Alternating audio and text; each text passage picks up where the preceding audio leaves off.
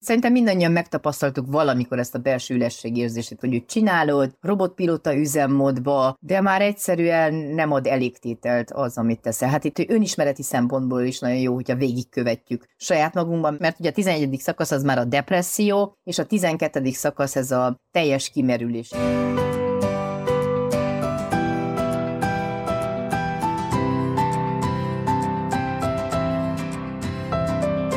Sziasztok, köszöntünk benneteket az És Boldogan Éltek podcast soron következő adásában. A múltkor, mikor szerkesztettem az adást, akkor jöttem rá, hogy én milyen frankon tudatosan bekonferáltam, hogy eltelt két hét, ismét péntek van, és ugye mi Patreonos early bölgyeink mekkorát nézhetek, mikor ezt szerdán este meghallgatják, amikor ugye Patreonon megjelenik az adásunk. Mert ugye ők, ez is egyik előnye a Patreonos támogatási formánknak, hogy két nappal előbb kerül ki a hosszabb verziójú, kevésbé szerkesztett vágott adás, mint ami péntekenként a különböző online platformokon megjelenik. De hát már az elején, elején reklámozunk, ezt mindig a végén szoktuk, úgyhogy hagyjuk is a végére a javát, mert sokkal fontosabb dolgokról kell beszélgetnünk dr. Kádár Anna Máriával, aki itt van velünk, mint mindig. Szia, Anna! Szia, köszöntöm én is a hallgatókat, de hát tudod, a svédeknél a szerda az a kicsi péntek, úgyhogy teljesen igazad volt. Akkor buliznak. Ez de jó, nem, hogy mondtad. Ezt nem mondtam még hát, soha. A patreonosoknak gyakorlatilag kis pénteket csinálunk azzal, hogy már szerdán este odaadjuk a műsort. lelki wellness, pszicho wellness. Igen, akár az is lehet. Péntek estére? 6 óra körül szokott megjelenni, 68 körül aztán pénteken. Szerdán, Patreonon, 68 körül. Na, tehát akkor kispénteket csinálunk szerdán Patreonon. Kispéntek az ugye a nagypénteknek az előzménye, a nagypénteket pedig ö, mindig nagyon-nagyon várjuk, mert ugye az jelzi a hétnek a végét. Az jelzi a hétnek azt a végét, amit ugye Hát, amikor ott vagyunk, hogy már túl kell élnünk, meg úgy számoljuk vissza péntekig a napokat, akkor már gebasz van. És ez egy olyan dolog, amiről szerintem szintén rengeteget lehet olvasni, rengeteg anyaggal találkozhatunk, ú, szakkönyvvel, műsorral, cikkel, kutatással, tanulmányjal, de ugye mi mindig azt próbáljuk csinálni, amikor ilyen témákat földolgozunk, ezeket egy picit összefésüljük, próbáljuk picit egyéni megközelítésbe helyezni, illetve próbálunk picit segíteni eligazodni eznek a sok-sok-sok tudásnak, ami egy adott témában rendelkezésünkre áll, az útvesztőjében ugye Anna tudását segítségül hívva ehhez, amiről pedig most fogunk beszélgetni ebben a megközelítésben, az a kiégés lesz így május vége felé. Szerintem ez nem is annyira rossz téma, nem amikor már úgy érezzük a nyár előszerét, de azért még olyan megközelíthetetlennek tűnik. Régóta beszélgettünk arról, hogy, hogy legyen ez egy témánk. Anna, miért gondolod, hogy, hogy fontos lenne erről beszélni ilyen keretek között, amikor egyébként tényleg beütöd a Google-ba egy kiégés, és akkor így rádömleszt egy csomó dolgot. Miért jó, hogyha ezt egy kicsit így, így rendszerezzük, vagy nem is tudom, olyan keretek közé tesszük? Hát szerintem azért is populáris ez a téma, mert hogy az elképzeléssel ellentétben nem csak a munkahelyen éghetünk ki, hanem, hanem rengeteg más területen is. És hogyha figyelembe vesszük azt, hogy hogy, hogy ez a pszichés, a fizikai és mentális kimerültség végül is mindannyiunk életében eljöhet egyszer. Nagyon-nagyon fontos, hogy az erre utaló jeleket minél korábban felfedezzük. Mert hogyha nyakon csípjük végül is a kiégési ciklusban azt, hogy fú, már majdnem itt tartok, hogy már a péntek sem a régi, hogy a hétfő is ugyanúgy indul, tehát hogy van egy kis önreflexióm, akkor vissza tudom fordítani ezt a folyamatot. És szerintem a mentális egészségvédelem szempontjából ez nagyon-nagyon fontos, nem csak a munkahelyeken, a családban, tehát hogy a mindennapi élethelyzeteinkben is, meg akár az is, hogy a gyerekeinknek is egy mintát tudjunk adni arra, hogy, hogy igenis egyszer csak elfáradunk, egyszer csak észre kell vennünk azt, hogy, hogy be kell húzni a kéziféket. És ez nagyon sokszor, hát főleg a promóterek, azoknak ez egy ilyen nagyon nehéz kategória, hogy, hogy észrevegyék azt, hogy hát már az erejük végén járnak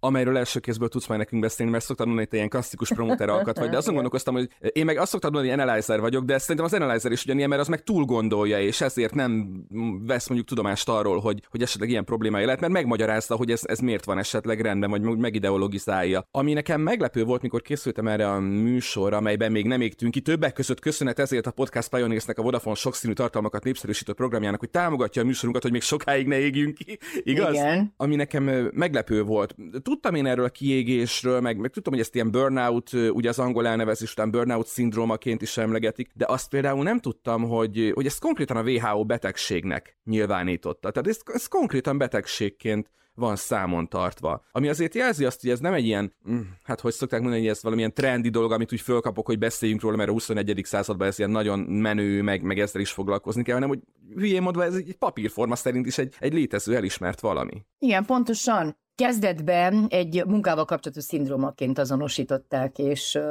és úgy is gondolták, hogy aki, aki például ilyen szolgáltatásokat vagy személyes segítséget nyújt másnak, csak azokat érintheti. De ma már nem csak a humán szolgáltatás területére korlátozódik ez az egész, és igenis nagyon-nagyon komolyan kell vennünk, mert ne, most már nem csak a pedagógusokat, orvosokat, pszichológusokat, lelkészeket, ügyvédeket, vagy akár a vezetőbeosztásban levő embereket veszélyezteti, hanem végül is hogyha megnézzük, akkor a legjobb alkalmazottaknál. Tehát, hogy akik maximálisat nyújtják a munkájukban, akik nagyon sok időt szentelnek arra, hogy jól teljesítsenek, akik komolyak, akik végig a személyes erőforrásaikat is beleteszik. És pont ezért fontos ez, ez a fajta diagnosztizálás, mert úgy tudunk eljutni a, a nagyon komoly okokig, hogy igenis van ilyen, hogy, hogy te állandóan igénybevételbe vagy, tehát igénybe vagy véve, hogy, hogy nem húzod le jól a határaidat, hogy sok stresszér, vagy akár kevés motivációd van a munkában, vagy, vagy akár, hogyha megromlanak a munkahelyi kapcsolataid, vagy túl nagyok az ideájaid, tehát hogy valami, tehát mint az elég jó anyában, ahogy, ahol beszéltünk, ugye arról, hogy te nem tudsz tökéletes alakítani semmilyen szerepedben, ugyanúgy fontos, hogy a munkában is ez meglásd. És hogyha de Igen. bocsánat, ez, ez él arra, ez, él, ez az analógia él a, a munkában is, amit ha, ha már az elég jó anyák példaként hoztat, hogy ott kifejezetten ugye arról szólt a műsorunk, aki nem hallotta az előző adásot, úgyhogy érdemes visszahallgatni, ha pedig hallottad, akkor csak egy picit leporoljuk. Ugye annak az volt a tanulsága, hogy elég jó, ha elég jó vagy. Tehát, hogy ráadásul ezt emlékszem, hogy még korábbi adásunkban mondtad, ez a mondatod valamiért így az agyamba éget, hogy a tökéletességhez nem is nagyon lehet kapcsolódni. Ezt a, a, a szülő-gyerek kapcsolat kapcsán mondtad, és ugye az elég jó anyának is ez volt nálunk a a, tanulsága, hogy sokszor akkor vagy elég jó, ha meg sem próbálsz tökéletes lenni, mert hogy arra szinte esélyed sincsen. Elég jó viszont lehet. Igen, ugyanúgy szerintem a munkahelyi szituációkban is teljesen érvényes, mert kudarcok mindenképpen fognak érni. Belebuk sokszor a történetedbe, valami nem sikerül, és hogyha te a szakmai kudarcot személyes kudarcként azonosítod, akkor nagyon könnyen jöhet ez a fajta kiégés érzés. Hát gondoljunk csak arra, például egy kezdő munkavállalóra, aki minden elvárásnak meg akar felelni, aki minden túl akar teljesíteni, és az elégjóság az pont az, hogy el tudod fogadni a saját határaidat, a saját korlátaidat, hogy nem tudsz mindent egyszerre megtenni. Főleg, ha már ugye a tipológiáknál tartunk, akkor ez a supporter, a fenntartó típus az, aki mindenre igent mond, túlvállalja magát, mindig valahogy itt kezdődik, hogy már egy kicsit este is kell dolgozni, már egy kicsit éjjel is kell tölteni néhány Excel táblázatot, és hogyha te ezt azt mondod, hogy, hogy, hogy mindent nekem kell megoldanom, és én tökéletes akarok lenni, és minden elvárásnak meg akarok felelni, hát ez egyenes út a kiégéshez. Viszont gyorsan beszéljünk arról is ezen a ponton, mert szerintem ez nagyon fontos. Úgy látom, hogy statisztikailag, ugye az Analyzer, a 25 és 55 közötti nők azok, akik egyébként a hallgatói bázisunknak a túlnyomó többségét alkotják, de mindenki másnak is hasznos lehet ez. Viszont, hogyha mondjuk abból indulunk ki, hogy mondjuk egy, egy 20 éves, aki kikerül mondjuk egyetemről, vagy mondjuk szakmát tanul, kikerül a munkavilágába mondjuk 20 éves kora körül,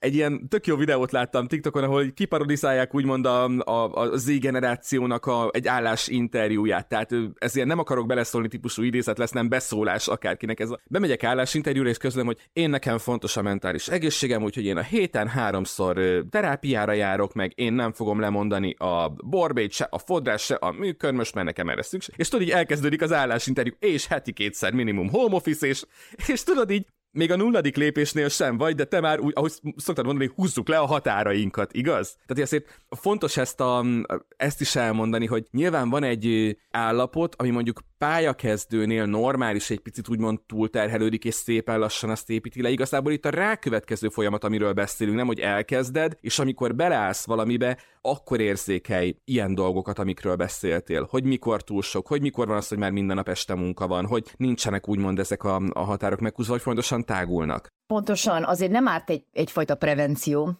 mert nagyon könnyen bedarál bármilyen rendszer, tehát hogy, hogy, hogyha vannak állandó rutinjaid, ritusaid, szertartásaid önmagaddal, egyáltalán nem gond, hogyha igenis elmész a fodrászhoz, vagy a kozmetikushoz, vagy eljársz edzeni, de ez nem azt jelenti, hogy te ezt kifogásként használod fel a munkában. Na, kedves főnök, hát is nem érek rá dolgozni, mert nekem a mentális egészségemmel kell foglalkozni, tehát nagyon könnyen át lehet esni a ló másik oldalára. Ez az úgy állok a munkához, hogy más is odaférjen típusú hozzáállás. Nagyon sok munkaadó és munkavállaló is panaszkodik az irracionális elvárásokról, mert hogy, hogy ezeket is valahogy egyeztetni kell, hogy igenis a munkavállalónak is megéri abba fektetni, hogy az alkalmazottai egészségesek legyenek fizikailag és mentálisan, meg érzelmileg is, ami nem azt jelenti, hogy nem teszik oda magukat a feladathoz, és igenis a, a munkavállalónak is fontos, hogy lehúzza a határait, hogy amikor már úgy érzi, hogy az túl sok, nemet mondjon, na csak kérdés az, hogy mikor mond nemet, lehet, hogy még a kérdés meg se született, de ő már a nemet kimondta. Tehát, hogy, hogy ez a két végpontot valahogy úgy kell közelíteni, hogyha ugye a, az alkalmazott jól van, testileg, lelkileg, szellemileg, fizikailag, érzelmileg, akkor azt jelenti, hogy nem kell betegszabadságra mennie, jobban oda tud állni a munkához, hát hogy ez egészséges munkaritmus, ez mindenkinek nagyon jó. És azt mondtad itt az előzetes beszélgetésünkben, mielőtt indítottuk a fölvételt, hogy ez a kiégés vagy, vagy burnout szindróma, ez egy olyan dolog, ami egészen jól úgymond lemodellezhető, vagy, vagy lekövethető. Szerintem eljutottunk az adásnak az a pontjához, hogy előzetesen azért úgy, úgy képbe kerültünk, hogy nagyjából miről fogunk itt beszélni. Bár most előtérbe került ugye a, a munkavilága, de néhány félmondatban utaltál arra is, hogy nem csak munkában lehet kiégni. Tehát ezért nagyon fontos, hogy legyen egy ilyen, egy ilyen kicsit egy ilyen általános képünk erről, hogy mit is jelent kiégni, mit is jelent ez a, ez a kiégés, mit jelent ez a folyamat, vagy hogy néz ki ez a folyamat, amiről, amiről beszéltél, ezt bemutatnád akkor nekünk? Persze, itt nagyon sok minden van, amiről beszélni lehet. Egyrészt uh, szerintem legelején érdemes megnézni a tüneteket, hogy miben is nyilvánul meg az egész, mert hogy innen tudom majd felismerni a ciklusnak a, a különböző szakaszait. Tehát egyrészt ugye ott van a, a reménytelenségnek, a tehetetlenségnek az érzése, akár a kimerültség, a gyámoltalanság. Nagyon sokszor ez érzelmi dűkitörésekkel is jár, agresszivitással, vagy sokan ugye azt veszik észre, hogy a koncentrációs képességük vagy az emlékező tehetségük csökken, nagyon könnyen felejtenek, nagyon könnyen ugye elkalandoznak a témától, tehát ugye ez, ezek lehetnek a pszichés tünetek. Akkor ugyanúgy vannak fiziológiai tünetek, van, amikor egy orvos kérdez rá, hogy a fejfájás, az immunrendszernek a csökkenése, magas vérnyomás, hogy vajon nem áll mögötte egy, egy olyan munkahelyi nyomás, vagy vagy akár egy, egy elhúzódó stressz helyzet, ami kiválthatja ezeket a tüneteket, és hát a viselkedéses jellemzőkben is nagyon könnyen fülön lehet csípni a, a kiégésnek a tüneteit, például ez a cinizmus, amikor elhatalmasodik valakin, vagy, a, vagy ez a közömbösség, hogy már egyszerűen nem lehet lázba hozni téged semmivel, vagy ö, negatív beállítódás, akár a kliensekkel szemben, hogyha valaki ügyfélszolgálatban dolgozik, az, hogy ingerlékenyebb vagy már otthon is, nem, nem csak a munkahelyen, meg ez a fokozott szerfogyasztás, ez lehet a koffein, a nikotin, hogy már mit tudom én, két csomag cigit szívsz el, gyógyszerfüggőség, alkoholfüggőség, tehát hogy ezek mind-mind ott lehetnek a mélyén. És akkor nézhetjük meg azt, hogy, hogy igazából ez nem csak úgy bekövetkezik, ezt nagyon-nagyon fontos tudni, hogy nincs olyan, hogy egyszer csak kiégtél teljesen. Tehát, hogy mindig vannak különböző fázisok, és mindig vannak ciklusok, és hogy az elsőt el szokták azonosítani az idealizmus szakaszával, amikor ez a nincs időm semmire érzés, amikor túl nagy a lelkesedés, amikor buzog benned az energia, amikor lelkesedsz a szakmáért. Hát ez szerintem minden pályakezdő átélte, hogy meg akarja menteni a világot. Ezt akartam mondani, de ez ilyen tök normálisnak Igen. tűnik, nem? Hogy amikor kezded, akkor elvileg ez normális. Igen, tehát hogy túlzottan azonosulsz, és ugye pedagógusként, hát nem tudom, hogy te megélted, hogy minden gyereknek a jól léte számít, és mindenkivel neked kell beszélgetni. Hát ugye én is is Én megmondom őszintén, hogy két hetem igen. volt a rádiós munkámból átállni a tanításra, úgyhogy a saját jólétemet próbáltam megtartani, a családom ne öljön meg, mert annyira kevés időm volt átállni, de amit mondasz, teljesen megértem. Tehát a, én a rádióval voltam, így az volt az első munkahelyem, hogy, hogy egyszerűen ez a reggeltől estig, ez a mindenért felelősséget érezte, ami ott történik. Hát ez, tudod, mindenhol ott kell lenni, mindent jó kell, elírtam valamit, úristen, érted, most tönkretettem tizenév munkáját, de hogy ez, ez így abszolút megvolt. Igen, az idealizmus szakasza után jön a realizmus amikor persze elkötelezett vagy a szakmád iránt, amikor rengeteg kreatív terved van, kezdeményezésed, ezeket ugye életbe is lépteted, a nyitottság, akkor, hogy a kollégákkal együttműködj, hogy a, hogyha esetleg klienseid vannak, akkor hogy az ők fejlődésük, meg itt már azért, azért ott van ez a távolságtartás, meg a részvétel közti egyensúlynak a megtalálása, hogy hol vannak az egészséges határok, tehát nem véletlen ez a realizmus szakasza, hogy átesel a ló túlsó oldalára, és akkor elkezded megtanulni, meghúzni a határaidat, vagy nem. Ha meg nem, akkor jön a harmadik szakasz, ez a, ez a stagnálás vagy kiábrándulás, amikor már csökken az elvárásod önmagad iránt is, amikor már érzed azt, hogy, hogy a teljesítőképességednek is a határán vagy, hogy, hogy, hogy már nem akkor az elköteleződés, a nyitottság, tehát hogy, hogy már ott vannak ezek a nagyon kemény jelek, és utána jön az apátia fázisa, amikor már elkezdesz védekezni a, a, a lehetséges kudarcok, meg a, a valós kudarcok ellen. Na és erre alakítottak ki egy nagyon-nagyon érdekes ábrát, szerintem érdemes majd a hallgatóknak is feltennünk, hogy, hogy a prevenciós szempontból akár meg is tudják nézni, mert van egy 12 részes ilyen ciklikus szakasz, amikor az első pont ez a bizonyítási kényszer, ugye ez az idealizmus szakaszában van, a második szakasz ez a fokozott erőfeszítés, és a harmadikban már ott van a saját igényeknek az elhanyagolása, amikor már a a szokásaidat is felülírod, amikor már munka közben eszel, amikor már ugye lemaradnak azok a dolgok, ami, amiket tényleg a saját fejlődésed érdekedben fordítottál, mert hogy egyszerűen neked teljesítened kell elhanyagolod az igényeidet. Utána jön a, az igények és a konfliktusok elfolytása, igen. Itt egy pillanat rájunk le, mert hogy szerintem ez az a pont, ahol rengeteg munkavállaló azt mondja, hogy de hát nem tudom másképp megoldani, uh-huh. de hát ez csak így lehet, de hát én hiába akarom, hát az időt 24 órából el, el egy nap, nem? Szerintem ez az a pont, ahol elkezd ez bekövetkezni, és ha belegondolsz a maga helyzetéből, ilyenkor a maga helyzetéből mindig igaza van az embernek, vagy pedig csak úgymond rászűkül erre. Mit gondolsz? Hát biztos, hogy van egyfajta beszűkülés, mert meg hát a munkavállalónak is az a a munkaadónak is az, a, az az érdeke, hogy minél több teljesítményt, ugye nem is tudom, hogy hogy fogalmazzam, elvárjon, de fogalmazhatnám úgy is, hogy kisajtoljon. Kitaposson, kiszedjen, Mondjuk csak kinyugodtan, kitaposson, kigrundoljon, Igen. kipasszírozzon, így Mert van. van egy, szerintem egy ilyen, egy ilyen nullától százig valós skála, és ezen belül most ki, hogy érzi, hogy, hogy neki mennyi hatalma van ugye az, azon emberek fölött, akikkel ő együtt dolgozik, mert lehet egy nagyon autoriter vezető, aki azt mondja, hogy kész, tehát hogy nem, nincs semmilyen lehetőség ezeknek az elhárítására, mert ez van, te ide szerződtél, ezt kell csináld. Na most egy, egy normális emberi viszonyban azért mégiscsak van egy alkudozás, hogy megnézzük, hogy ez, ez az ember hol tart a saját történetében. Mert hogyha mondjuk ő egy más dolog miatt éget ki, például akár egy gyász folyamatban van benne, vagy akár mondjuk egy párkapcsolati, tehát hogy, hogy szakított a partnerével, és, és akkor úgy éli meg ezt a kiégést, akkor persze nem fog tudni ugyanúgy teljesíteni a munkájában. Tehát ez nagyon fontos. Viszont ugye a negyedik szakaszban az lesz, hogy, hogy, hogy valahogy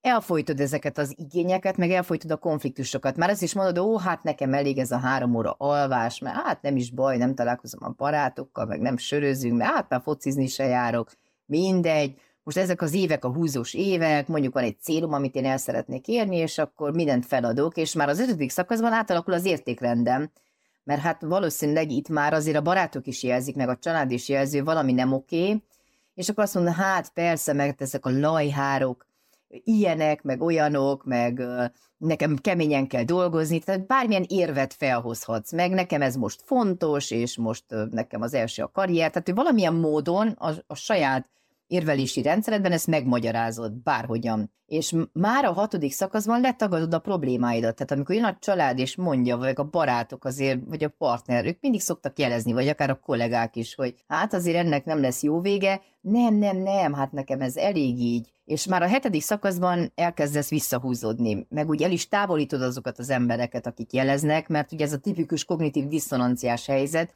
hogyha te elfogadnád, akkor persze kellene változtas. Meg hogyha azt mondod, hogy hát persze, mert nekik ez így nem fontos, és én most egy másik életciklusban vagyok, akkor nagyon könnyen ki lehet magyarázni. És már a nyolcadik szakaszban lehet látni ezt a magatartás változást, hogy ilyenkor már tényleg ilyen komoly jelei vannak, és ilyenkor már a kilencedik szakaszban elszakadunk a saját érzéseinktől, ezt a depersonalizáció szakaszának is nevezik, hogy már nem vagyok kapcsolatban. Ez a, a saját testünknek a kizsigerelése, ez a, hogy én úgyis kibírom, és hogy Ha, erre tudnék én is mesélni, mert szerintem én ebben a szakaszban voltam párszor. Szerencsére innen aztán valahogy vissza, én addig azt összes szakaszt lekövettem, amit mondtál. Tehát amikor mondtad a, a diagnózis, így mentünk lépésről lépésre, konkrétan évek, élethelyzetek, Igen. konkrét szituációk jutottak eszembe, hallod? És szerintem egyébként a hallgatók sincsenek ezzel másképp, de a nagy többségük nincs ezzel másképp. Aki mondjuk négy-öt összefüggő évet már dolgozott, ebbe biztos vagyok. Igen, tehát szerintem mindannyian megtapasztaltuk valamikor ezt a belső érzését, ez a tizedik szakasz, hogy úgy csinálod, robotpilóta üzemmódba, de már egyszerűen nem ad elégtételt az, amit teszel. Hát itt Füredi Júliának ez a Elég című könyve szerintem az mindenkinek egy nagyon-nagyon jó szakirodalom, hogy annyira jól leírja ezeket a szakaszokat, ő hogy élte meg munkahelyen, családjában, hogy tudott aztán felállni egy ilyen nagyon kemény döntési folyamat után. Tehát, hogy önismereti szempontból is nagyon jó, hogyha végigkövetjük saját magunkban, meg külsőleg is, mert ugye a 11. szakasz az már a depresszió, és a 12. szakasz ez a teljes kimerülés és kiégés. Na ide nem kellene eljutni, tehát hogy valahol be kellene húzni azt a féket, hogy na jó, akkor elég. Tehát ez az elég szerintem ez egy nagyon jó, nem, nem csak könyvcím, hanem, hanem az életünk fejezetében is egy nagyon komoly történet hogy, hogy azt mondod, hogy na jó, akkor, akkor ennyi és ne tovább. Tehát, hogy fel tudj állni különböző helyzetekből, és azt mondani, hogy látod már magadon ezeket a jeleket, és ha tudod, hogy nem akarsz oda jutni, akkor be kell húzd a kéziféket, és ez nem könnyű, soha nem könnyű. Ezt akartam mondani, hogy ez teljesen logikusan hangzott, amit mondtál, meg hát ez egy teljesen bölcs megközelítése a dolognak. Látom az intő jeleket, azonnal lépjek. De azért milyen rohadt nehéz már ezt kimondani? Főleg, hogyha mondjuk az ember olyan pozícióban van, hogy vannak fölötte. Akkor azért nehéz odállni és azt mondani, hogy elnézést kérek, én eddig bírtam. Mert akkor jön be minden más, amit az előtte lévő fázisban mondtál, hogy de én se vagyok pótolhatatlan, de végül is még tudnék beletenni, de még van egy kis időm, de igazából két évvel ezelőtt tényleg hatékonyabb voltam. Nem? Amikor el kéne eddig a pontig jutni.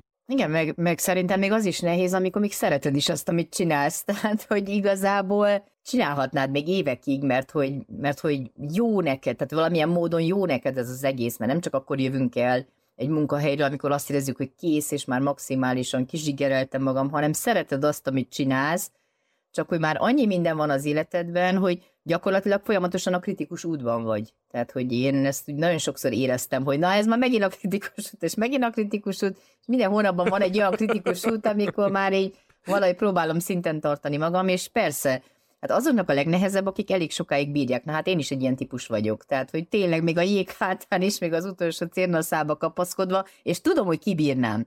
Na de most már szerencsére annyi önismeret meg minden után, én is egy hónapja álltam fel az egyik munkahelyemről, mert azt is láttam, hogy igen, ezt még tudnám csinálni nagyon sokáig, de hogy ez a két hetente és az adminisztráció és minden, pedig nagyon szeretek egyetemen tanítani, ugye két egyetemen tanítottam egyszerre, és akkor láttam, hogy a négy éves ciklus végén, hogyha én ezt így folytatom, akkor ej, ej, el fogok jutni a kiégésig, mert hogy ez már nem egy tartható állapot. A másik azért nagyon-nagyon sokan, gondolom a hallgatók közül is így vannak ezzel, abba szocializálódtunk bele, vagy hallottuk még ezeket az ilyen varázsmondatokat, amit nagyon idézőjelbe téve mondom, hogy varázsmondatok, hogy ez a örülj, hogy van munkád, ne pattog, inkább húz meg magad, gazdasági válság van, az is csoda, hogy van munkád, hány ember örülne annak, ami neked van, és ezek meg szerintem ilyen, hát mint, a, mint az elég jó anyánál, tudod, ez a te nem mosi perushozolt egy nem hordott babaúszásra, az enyém már cukaharába jár a tiéd, meg sem mozdul. Cuka, az, mi ez a cukahara? Nem tudom, a penenkás bajkeverőben hallottam, amikor a baba ilyen félig húzza a segét, félig mennyi meg kinyújtja a lábát, és hogy odaugrálok cukaharába, amikor is hangja még viccesebb. Tehát hogy, tehát, hogy ezek szintén ilyen, ilyen, ilyen mérgező mondatok tudnak lenni, és hogy azért, azért generációsan, ha már beszéltünk korábban a transgenerációról is, azért a mostaniak közül is sokaknak, bár szerintem a fiataloknak egyre kevésbé, de sokaknak a fejében még mindig ott van ez a már érzem, hogy gond van, már egy csomó ilyet, amit mondtál, be tudok azonosítani, de nem, nem, nem, mert örüljek, hogy van, örüljek, hogy itt van, én még mennyire szerencsés vagyok, mert Jolika a szomszédban, meg a Béla szerencsétlen, meg, meg én ezért pénzt kapok, ha innen fölmondok, akkor mi lesz velünk? Mert ugye az is nagyon fontos, most egy kicsit összetett kérdés lesz, akár a te történetedre is rákapcsolódva, hogy oké, okay, van egy támogató közeg, ahol ezt meg tudod tenni, azt mondod, hogy jó, itt most behúzom a stoppot, és mondjuk ezt adott esetben anyagi vesztességgel is jár. De mi a helyzet, amikor mondjuk ez is nehézséget okozhat? Mert ugye ezek mind-mind olyan valós helyzetek, amik azért a nem biztos, hogy segítik a mi burnout megelőzésünket. Persze, hát ugye én is az ötödik munkahelyemről álltam fel, tehát hogy ebből a szempontból jóval könnyebb meghozni egy döntést, amikor nem az anyagi biztonságod rendül meg teljesen, és Persze, hogy teljesen természetes az, hogyha van egy 35 éves lakáshiteled, és neked havonta ki kell fizetned azt a részletet, nem tudsz felállni olyan könnyen, mint hogyha van nem tudom mennyi tartalékpénzed, és akkor most elmész egy zarándok útra, és megtalálod önmagadat. Tehát, hogy minden helyzet más és más. De hogy az biztos, hogy a legfontosabb, az tényleg te vagy, meg a te fizikai, mentális, lelki egészséged, mert abban a helyzetben, hogyha összehúz, akkor semmit nem tudsz csinálni. Tehát, hogy nagyon-nagyon fontos, hogy, hogy akkor tényleg aktívan cselekvően keresném más lehetőséget, hogy valahogy számba venni ugye az összes létező alternatívát, és ott is lehetnek olyan helyzetek, hogy tudod, hogy ezt még egy-két évig ki kell húznod, és nincs, nincs, nincs más. De hogyha ott van benned az a kép, hogy na akkor két év múlva ez lesz, az lesz, amaz lesz, és tudod vizualizálni, hogy akkor az hogy zárod le azt az életciklust, hogy, hogy akkor hogyan tudsz akár előgetni, hogy hogyan tudsz magadnak ilyen apró örömöket szerezni, mert hogy a fásultság, hogyha beáll, és, és nincs semmilyen ellenszer erre, akkor, akkor ott nagyon könnyen le tudsz menni tényleg a mélyre. Eszembe jutott a megelőzés kapcsán a barcelonai útad, amit mondtál, hogy a barátnős barcelonai út. Szerintem egyszer erről beszélgettünk, hogyha már minden adásban szinte szóba kerül Madonna fenekeit mögöttem, ugye, egy koncerten készített fotót ábrázol, egy koncerten készített fotómat ábrázolja. Én egyébként nagyon sokszor az ilyen nagyobb koncertek, fesztiválok, uh-huh. tehát az ilyen klasszikus szórakoztató élmények után éreztem, az bár én fesztiválra, főleg a rádiós időben inkább dolgozni jártam, mint ténylegesen bulizni, mert, mert interjú, interjú hátán, backstage, backstage hátán, amiket csináltunk. De főleg az ilyen, amit mondtál, az ilyen nagyon kiszakadós élmények voltak azok, amik, amik utána, mert erről nem esett szó, nem csak egy ilyen akut választ adnak mondjuk egy, egy nehéz vagy leharcolt állapotra, amiben vagyunk, hanem hogy ezek ilyen puffer zónába is kerülnek. Tehát, hogy ezekből ha már burnout megelőzés, és nem muszáj koncertnek lennie, hogy mondtad, nem muszáj barcelonai útnak lennie, csak hogy mindenképpen valaminek lennie, mert hogy én tök azt éreztem egy ilyen esemény után, hogy ez nagyon sokáig úgymond így luftot, lendületet adott. Igen, tehát hogy ez mindenképpen használ, hogyha van valami olyan különleges élmény, amit te meg tudsz adni önmagadnak, és ez lehet tényleg a kedvenc zenekarodnak a koncertje, vagy egy olyan utazás, vagy egy hely, de ebben is van csapda, és pont most nemrég gondoltam ezt végig, hogy ugye ahhoz, hogy te elmenj egy koncertre, hogy megvedd a repülőjegyet, hogy felülj, hogy oda menj, hogy szállást keres, hogy eljuss a koncertre, akkor visszagyere, akkor megint visszacsöppenni a munkába, ez is egy kemény fizikai, meg érzelmi, meg mindenféle igénybevétel, és pont a Füredi Julinak a, a könyvében olvastam, hogy már a kiégési ciklusnak a végén, akkor sokszor a ez a fiziológiai szint a legfontosabb, ez az alvás, evés, talán az, hogy egy helyben lenni, tehát hogy néha azt is meg kell engednünk magunknak, hogy nem megyünk sehova, hogy egyszerűen csak ülök és nézek ki a fejemből. És akkor mit tudom én, tényleg egy ilyen pizsama nap, vagy ilyen lajhár, és akkor lehet Madonnát a rádióból hallgatom meg, meg tudod, már annyit emlegetted a fenekeket, meg stb., hogy az jut eszembe olyan, rohad, a... olyan drága az új koncertjére jegy, hogy nekem valószínűleg a YouTube marad ebből, de egyébként hadd meséljem el, a És Boldogan éltek Insta oldalán, hogy reklámozzuk ezt is, olyan cuki volt, írt az egyik hallgatónk, átküldte az Antwerpeni koncertnek a linkjét, hogy nézd csak, itt lesz, tudok segíteni a szállásba, és ez olyan jó érzés volt, ott, mert maga a gondolat, hogy valaki ezt hallotta, és elküldte ezt üzenetet, tudod, attól egy még ugyanolyan kurva drága, de valaki felajánlotta, hogy tud nekem Antwerpenben segíteni a szállásba. Jó, csak egy kapcsolódás, meg szoktam mondani, a történetek összekötnek, ez egyszerűen egy annyira úristen, olyan jó érzés volt olvasni, még úgy is, hogy tudtam, hogy valószínűleg ez így is egy álom marad, de a gesztus, úristen, de jó lesz. Na, de hát álmodni mindig kell, meg hogyha lesz, megduplázódik a Patreonos támogatóink száma, akkor tudsz menni koncertre. Ugye egyszer tudod, én mindig azt ja, mondom, lehet, lehet. hogy egyszer el kell hit belül, hogy aztán megvalósuljon kívül. Hát nekünk a fesztiválra ugyanígy gyűlt össze a pénz, hogy egyszer higgyük belül, hogy a nagy gazdasági válság közepén ugye meg lesz a költségvetésünk, mert hát az sem volt egyszerű. Na, de belém folytattad a szót, és nem tudtam elmondani. Igen, bocsánat, igen, igen, igen, igen, igen, igen, tiéd a szó, igen. Ott tartottuk, hogy sokszor, hogy az apróságok, az alvás, a semmit tevés, a szoba Ne, ne, ne, nem ott folytottad belém, hanem a fenekeknél. Tudod, nem, nem sokan... gondoltam, hogy arról akarsz még valamit mondani. sokan mondják ezt a mondatot, ami, hát ilyen nagyon durva mondat, ez az örül, hogy van lyuk a seggeden. Tehát, hogy ezt így, ezt így ah, igen, igen, igen. Én rengetegszer mondom magamnak, hogy örülök, hogy lyuk van a seggemen, igen, tudom. Igen, de, igen. Hogy, de hogy ez is végül is egy mérgező mondat, hogy már kicsit úgy mint az őrkény novellába, hogy mik azok a kötenek, amiket búz maga után, jaj, azok a beleim. Tehát, hogy már ez az örülök, hogy van lyuk a seggemen állapot, ez is egy kiégés közeli helyzet, ha belegondolsz. Mert amikor már csak annak tudsz örülni, akkor elég nagy a gáz. És tényleg, tehát hogy, hogy lehet, hogy amikor így magunknak ezt így kimerjük mondani, hogy már tényleg összecsaptak a hullámok a fejünk fölött, hogy már nem bírjuk, hogy ez, ez az időszak már állandóvá vált, mert mindenkinek vannak húzósabb időszakai, meg kimerüléshez közel. Ez egy ilyen vörös vonal, amit mondasz? Igen. Tehát, hogy amikor Tehát már csak a, egy vörös vonal. a lyuknak tudsz örülni a seggeden, akkor az már ott gáz van. Mert hogy egyébként, amikor olvasgattam Anna erre a mai műsorra készülve, rengeteg különböző ilyen cikk, kutatás, kimutatás. 2019-es volt az első, amit készítettem. 2019. A magyarországi munkavállalók több mint fele rengeteget túlórázik, 44%-uk pedig elégedetlen a munkahelyével.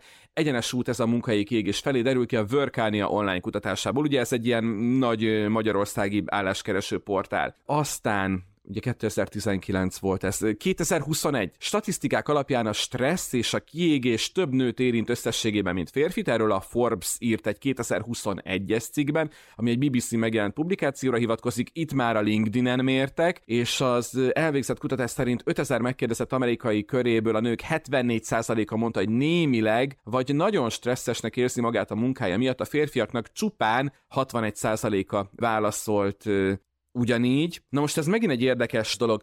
Először beszéljünk akkor a Magyarországiról. Ugye Magyarország 2019 és már 44 százalék mondja azt, hogy elégedetlen. De hogyha visszamenjünk időben, nem tudom, hogy láttad ezt a YouTube videót, tudom időben nagyon virálissá vált, munkakedve a szocializmusban. Ez a címe. Fekete-fehér filmhíradó részlet, és bemutatják, hogy hát annak idején hogy ment el Úristen, nem szeretném ilyen intézményesített munkaló, vagy id, hogy mondjam, ez a, hogy szokták ezt mondani? Amikor lopja az ember a napot. Igen, ezt elküldted egyszer Tehát, nekem, ez egyik hajnalban. Na, ezt elküldtem, emlékszel arra a fekete-fehér képre, de lehet, hogy be is játszunk, vagy bevágjuk, igen, igen, igen. bevágjuk ezen a ponton az adásba. Hogy tudod, jó munkás ember támaszkodik a lapáton, és mondja, hogy mondjuk meg egészen őszintén, rüheljük ezt a melót, egyszerűen rüheljük, snit, jön a következő jó munkás ember, a mezitlábas cigivel az ujja között, és tudod, reggel 9 óra van, azt mondja, én megmondom őszintén, semmi kedvem nincsen a munkához, hiába van meg a viszonyom, a szervezetem nem kívánja. És tudod, látod, ilyen nagyon-nagyon átéléssel mondja. A szocializmus idején aztán snit 2019 és 44 százalék, tehát valami nem jó valamit nem jól csinálunk. Régen lehet, hogy ez rendszer szinten volt rossz, de azért azóta sokat változott a világ, és ezek a számok még mindig nem túl jók. És akkor erről a férfinő dologról még nem beszéltünk, az majd a következő etap. Mit gondolsz? Tehát itt ez a, a tudatosítás folyamatával lehet gond, vagy a környezettel lehet gond, vagy mindkettővel lehet gond, mert te azt mondod, hogy mindenképpen én legyek az első. Tehát akkor valahol csak magamban kell először ezt rendbe tenni, itt lehet a gond, nem? Én vagyok a nulladik lépés. E, igen, ez az egyensúly egyszer önmagamban kell megteremtődjön. Saját határaim, saját igényeim, saját tűrőképességem. Tehát, hogy tudjam azt, hogy,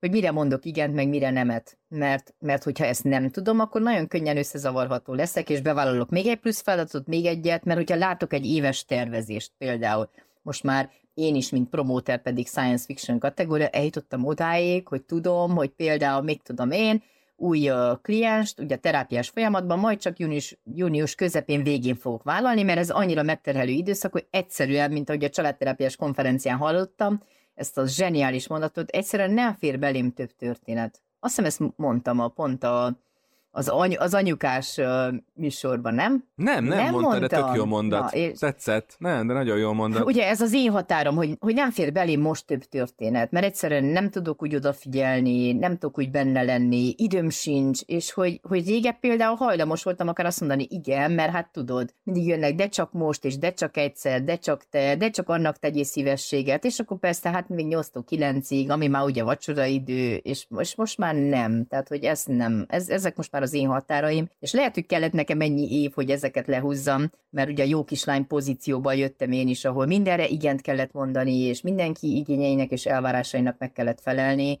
tehát, hogy ez egy, ez egy nagyon-nagyon hosszú önismereti folyamat, és itt kezdődik, mert itt, hogyha elkezdődött, akkor van egy alkupozíciód, egy vezetővel kapcsolatosan, és őszintén meg tudod mondani, akár már az állásinterjún, hogy figyelj, ez az én életpozícióm, akár el tudod mondani, kisgyerekem van, tudod, hát nem tudok vállalni, hogyha jó, így jó, ha nem, akkor nézek egy másik lehetőséget. És hát egy ugye rugalmas munkavállalásban ugye egy olyan vezető, aki egy kicsit humáncentrikus, vagy van most ez a szolgáló vezetés című ugye megközelítés, hogy most már nem felülről lefele vezetek, hanem igenis én is egy vagyok ugye a, a kollégák között, és hogy, és hogy tudom, hogy az ők jól létük, az végül az én szervezetemet is fogja szolgálni, tehát hogy rendszer szintű változás fog történni. És hogyha van egy ilyen munkakörnyezet, amiben tényleg te biztonságban érzed magad, tudod, hogyha beteg a gyereked, akkor most nem fogják levágni a fejedet, hogy miért mentél el egy napbeteg szabadságra, ha már ugye a svédeket említettük, ott például van egy egész helyettesítő rendszer,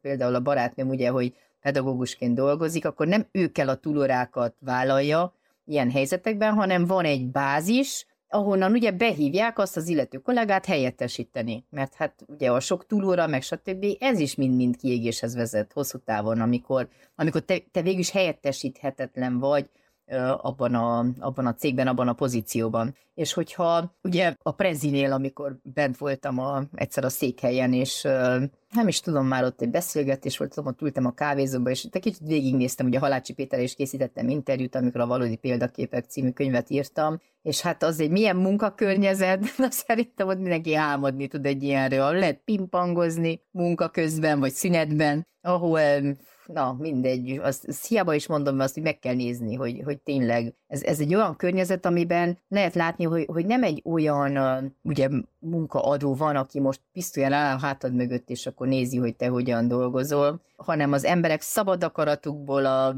ugye a, a kreativitást önmagukból előhozva teszik azt, amit meg tudnak tenni. És most már ugye nálunk is látok ilyen jó kezdeményezéseket, mert például egy informatikai cég, akivel együtt dolgozom, masszőr van hetente kétszer, nem tudom milyen profi ergonomikus székeken ülnek, gyümölcsöt sütit kapnak a szünetekbe, rugalmasan tudják váltakoztatni. Most már nagyon sok cégnél a, a home office ugye a, a rendes irodai munkával. Hát, hogy most már a mai világban, ugye, hogy egy munkaadó meg akarja tartani az embereit, akkor tudja, hogy másképp is kell motiválja, mint csak külön a fizetéssel. Olyan jó, hogy ahogy fogalmaztál, hogy másképp is kell motiváljon. Tehát azért szerintem az adásnak ez egy nagyon fontos pillanat, amikor mondjuk ki, hogy hát a munkaadók is hallgatják, hogy ma már ez nem opció, mert ha ezzel nem törődsz, ott fognak hagyni a picsbe.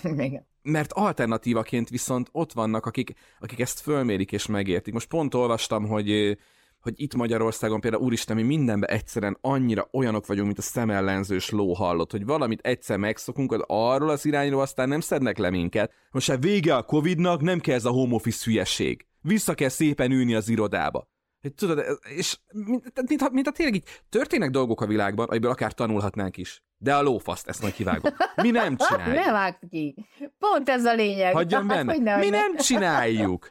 Mi nem, úgy, ahogy jó, úgy jó, ahogy jó, végre nem kell úgy csinálni, vissza a régibe. És hogy, hogy szerintem ez egy nagyon-nagyon fontos tanulság ennek az adásnak, hogy, hogy nem. És szerintem ez talán egy, egy szép záróakordja is lehetne ennek a műsornak. Bár egyébként azt érzem, hogy rengeteg ideig, meg rengeteg kérdést lehetne még ezzel kapcsolatban boncolgatni, meg kibeszélni. Jól, jól érzem, Anna? Igen, meg egyszer szerintem van, Julit is meg kell szó hívjuk. esett. Egyszer Julit is meg kell hívjuk majd vendégként. Szerintem az idén Előtt el kell olvasnom a könyvét. Igen. Majd valamikor egy év vége fele szerintem, egy másfajta aspektusból megvizsgálni ezt a témát, mert... Meg akkor mondjuk a hallgatóknak is, hogy olvassák el Igen. a könyvét. Mond még egyszer kérlek a szerző címet. Ez a Füredi Júlia elég felkiáltja. Citrom sárga könyv nyitott akadémia gondozásában jelent meg, úgyhogy a kulcsuk mm-hmm. kiadónál lehet a legolcsóbban megvásárolni. Na, akkor olvassuk el ezt a könyvet, és lássuk valamikor vendégül a, a szerzőnőt. Engem is érdekel, most már annyit beszéltél róla. Nyitottunk egy zárójelet a végére, ahogy szoktuk, meg be is zártuk, Igen. igaz? Ahogy ezt a adást is szépen, mert, mert szépen lassan megy, lépegetünk kifelé az időből, és van még dolgunk, ezt gyorsan elmondhatjuk, hogy van még dolgunk. De Anna, nagyon szépen köszönöm, hogy itt voltál, és mindezt megosztottad velünk. Mielőtt utadra bocsájtalak, gyorsan a hallgatóknak is mondjuk el, hogy ahogy a műsor elején is elhangzott, Patreonon minden egyes adás, mint ez is hosszabb formában elérhető. Miért fontos? Ez egy csomószor kapunk olyan üzenetet, hogy hát még erről erről érdemes lenne beszélni. Hát nagyon sokszor van az, hogy beszélünk mi arról, csak ugye az a bővített verzióban érhető el egy-egy terület. Mert ugye a Patreonos adások azok ilyen